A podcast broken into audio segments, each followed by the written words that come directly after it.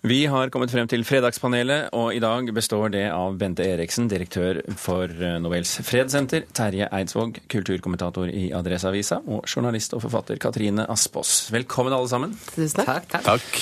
Du får bare rekke opp hånda når du skal si noe, Terje Eidsvåg. Du sitter altså i Tyholt, så det blir hånda i overført betydning. Ja. Vi går på første spørsmål. Oslo-filharmonien har ønsket seg et eget egnet konserthus i alle år, og nå vil Peter Stordalen og Anders Buchardt bygge det. Sammen med hotell og kongressenter på det siste store byutviklingsområdet i Oslo sentrum, Filipstadkaia på vestkanten. Spørsmålet vårt er, om vi kan begynne i Trondheim, er det bare for Oslo kommune å slå til her? Uh, nei. Bente? Ja. Katrine? Ja. Hvorfor er du skeptisk, eh, Terje? Eh, det kan godt hende at det er fornuftig å slå til, men min erfaring er at hvis, hvis ønsket om å få reist slike prosjekter er mye større enn evnen til å sikre langsiktig bærekraft, både når det gjelder midler til drift, til aktivitet og hensyn til både publikum og utøvere, så kan det i en slags bakrus-backlash, jf. f.eks. Rock City i Namsos. Så det er viktig at det her, at det her følges opp og blir kvalitetssikra for lengre enn akkurat at reisningstida til bygget. Men hvis det er på plass, så er det selvfølgelig eh, bare å si ja. Bente. Ja, Vi har jo noen forferdelig triste historier når det gjelder drift av kulturhus. Men jeg har full tillit til at eh, Ingrid Røynestad klarer det fordi hun vet hva som skal til, og hun vet også hvilke premisser hun skal sette for disse Stordalen og Buchardt, som eh, liksom ikke gjør dette bare for å være greie, men fordi de tror de kan tjene penger på det. Men en ting er Noe som for øvrig er en ærlig sak? Det er en helt ryddig sak. Og da må man bare ha klare premisser. Men jeg mener det hjelper jo ikke om Oslo kommune sier ja og tilbyr den tomta. Staten må jo også betale sitt fordi driften koster penger, ikke sant. Katrine? Ja, jeg tenker Her snakker vi om den mykeste, møreste indrefileten av Oslo. Og Buchardt og Stordalen ja, På vestkanten er det er ytrefilet. dette, er, dette er indrefilet. Altså Tjuvholmen er indrefileten. Og Buchardt og Stordalen de er smarte karer, så her har vi muligheten til å få så mye ut av en sånn avtale. Vi kan få et lekkert konserthus der Filharmonien har full kunstnerisk frihet. Vi får et flott kongressenter, som vi jo også trenger. Og så har vi det tredje. Vi kan også få det vi virkelig trenger rundt dette området. Det er et ordentlig pirbad i Oslo. Og det kommer til å være forutsetningen for å gå inn i avtalen med Buchardt og Stordalen. Det er at ungene også får et eller annet rundt denne rundt, Så du kaster, mer, du kaster flere ting i potten, du, rett og slett? Ja, ja selvfølgelig. Vi har indrefilet her. Det er klart vi, disse Buchardt og Stordalen har, har forhandla før, og de er kine på den, den lille tenderloinen der, altså. For dette er jo et poeng herr Eidsvåg, at det er jo flere som kanskje kunne tenke seg det der eh, området nede i Oslo sentrum? Ja, og jeg syns man skal slutte å bruke begrep som indrefilet om, eh, om eh, hus som eh, jeg mener, Det er den, det er den dyre, dyrest, mest overprisa og minst interessante delen av, av, kjøtt, hvis du først skal snakke om det. Men for meg så er det viktig at det her ikke blir et hus hvor det om 10-15 år fremstår som mest lønnsomt å ha minst mulig aktivitet der, og at du får den der Hvis man har dyktige nok folk som kvalitetssikrer det her, så kan det her bli kjempebra. Men det er veldig viktig å ha minst like stor oppmerksomhet som rundt det, som den fantastiske gaven det her ser ut til å kunne være. Vi skal gå til neste spørsmål, og så bare noterer vi at dette forslag eh, kan være at dette er Oslo sentrums fenalår. Katrine Aspaas, takk for den. Eh, vi går til neste spørsmål. Eh, her er en av våre deltakere relativt inhabil, men vi kliner til likevel. Amanda-showet samlet så vidt 200 000 seere i år, viser tall som kommer denne uken. Seertallene går nedover fra år til år, og nå hevder flere at den store norske filmprisen er blitt en ren bransjefest. Så spørsmålet vårt er er Amanda-utdelingen blitt totalt uinteressant, Katrine? Jeg tør ikke å svare fordi mammaen til Amanda-prisen sitter ved siden av meg. Du skal svare. Eh, ja. Terje? Ikke helt. Nei ja, vi, vi, må, vi, må bare, vi, må, bare, nevne for folk her som ikke husker det eller ikke vet det, at Bente Eriksen da er mammaen til Amanda-prisen. Bente, du skal få svare først.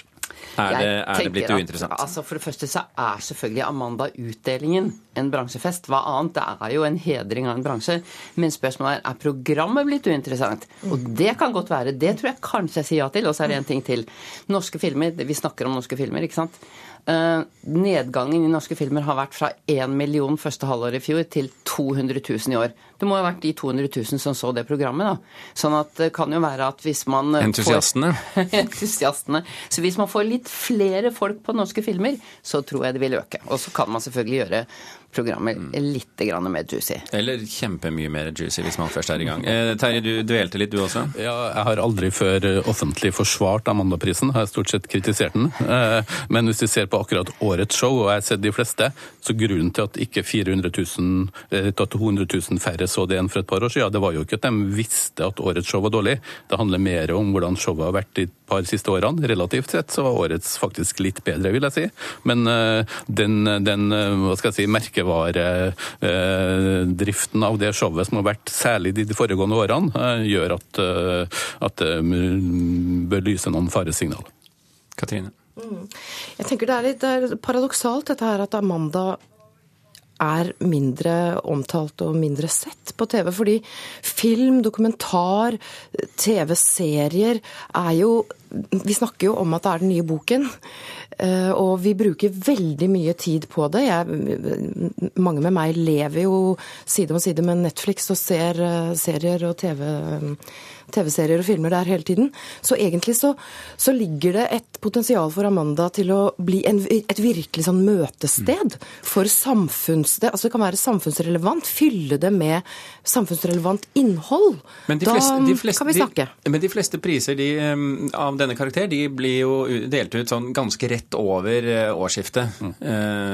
Her venter vi altså på fjorårets filmer skal få pris i august. Mm. Er det klokt? Nei, de har bare snudd året. Det er jo ikke fjorårets filmer, det er året fra august til august, da.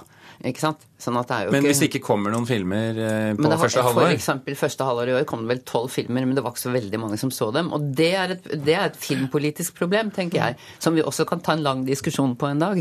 Men, men eh, om det er fra august til august eller januar til januar, det spiller jo ingen rolle. Poenget er jo at man må folk men alle filmene, de fleste filmene, og det kan du vel bekrefte, Eidsvåg, eh, de fleste interessante norske filmene de kommer vel på høsten, og derav blir det veldig lang tid til august? Ja, det blir noe bakpå, og det er mange grunner til å diskutere både elementer, jury og alt der, men potensial for å lage et bedre og mer interessant show, for å feire eh, og diskutere de beste og de dårligste norske filmene, og også lage et godt TV-show, det bør være der. Hør, hør, hør. Det, det, det, nikkes, det nikkes. Vi håper at Amanda, juryen og Film og Kino og departementet og alle som har noe med dette å gjøre, lytter.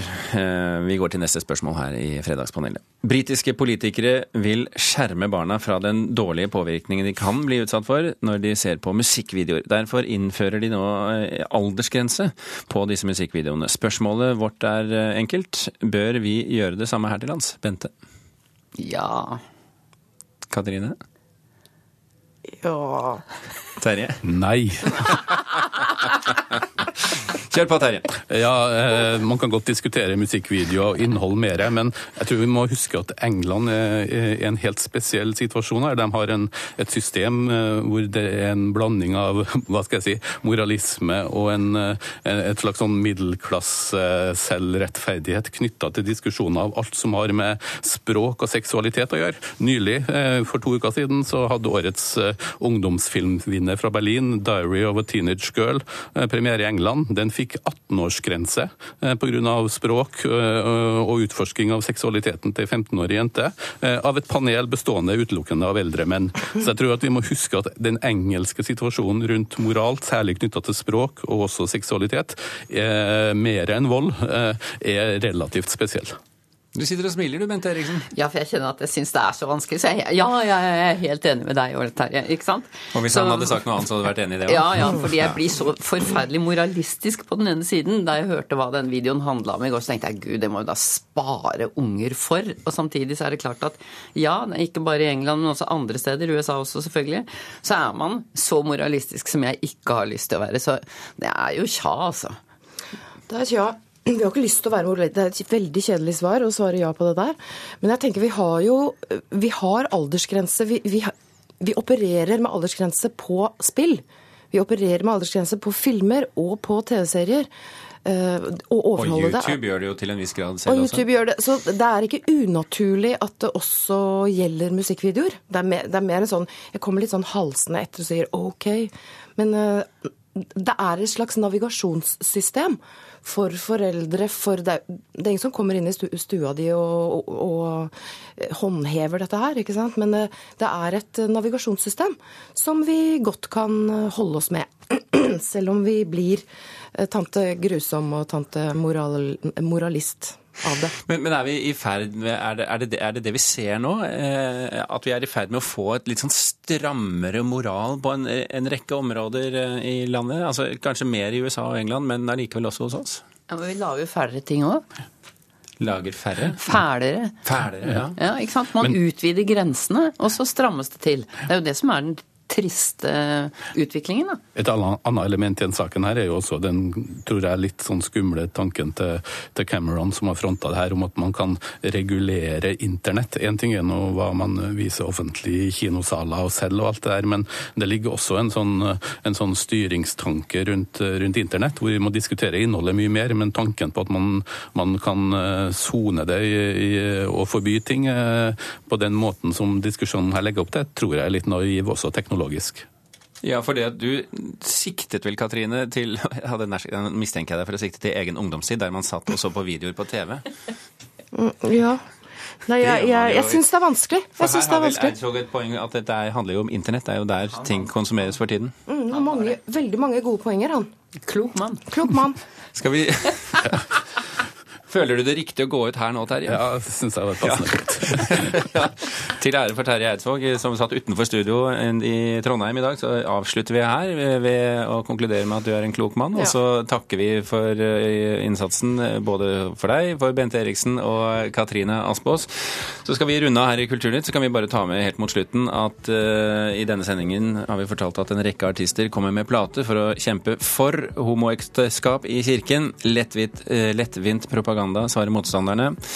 Svalbard får sitt eget dinosaurmuseum etter at mange utgravninger eh, har vært på øygruppa de siste årene. Teknisk ansvarlig det var Helge Hummelvold, produsent Thomas Alvarstein Ove, og her i studio Birger Kolsrud Jåsund.